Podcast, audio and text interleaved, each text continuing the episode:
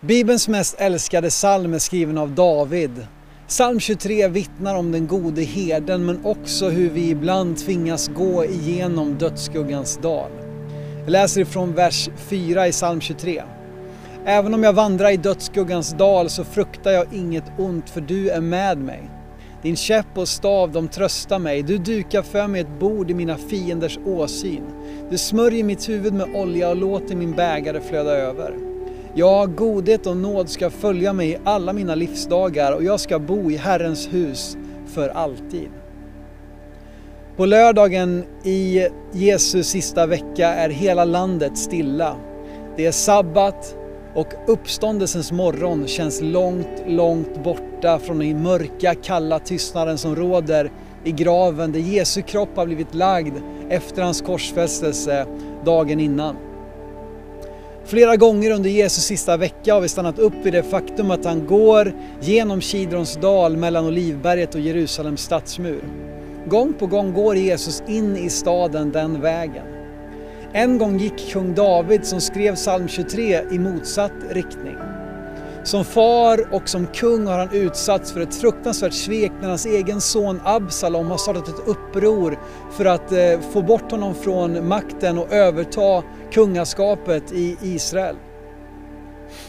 Han tvingas gå som en hund med svansen mellan benen ut genom Jerusalem, genom Kidrondalen med staden i ryggen på grund av sin sons svek och olydnad.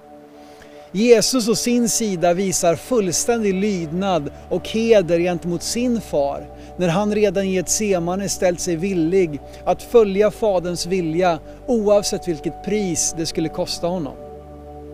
Kidrons dal är bokstavligt talat dödsskuggans dal. När solen går ner framåt kvällen så läggs hela, hela dalen i skugga eh, utav staden Jerusalem. Nedanför Kidrons dal, söder om Jerusalem, ligger Hinnoms dal, Gehenna.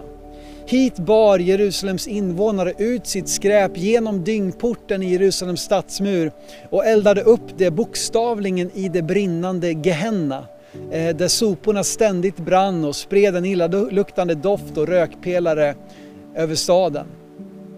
Där dessa båda dalar möts brukar man traditionellt se som den platsen där Melkisedek som 2000 år tidigare dyker upp som en överste präst som går ut på just denna platsen för att välsigna Abraham och ge honom bröd och vin.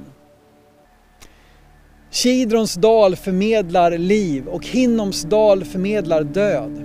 Under påsken så möts döden och livet och livet segrar.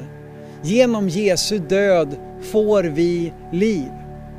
Även om lördagen är höljd i dunkel så spirar snart en ny morgon. Gryningens första strålar träffar först Olivberget som lyser upp för invånarna i Jerusalem vars stad fortfarande är i skugga. Det finns hopp, det finns ett ljus som tränger igenom och gravens mörker skulle inte få sista ordet i Jesu liv.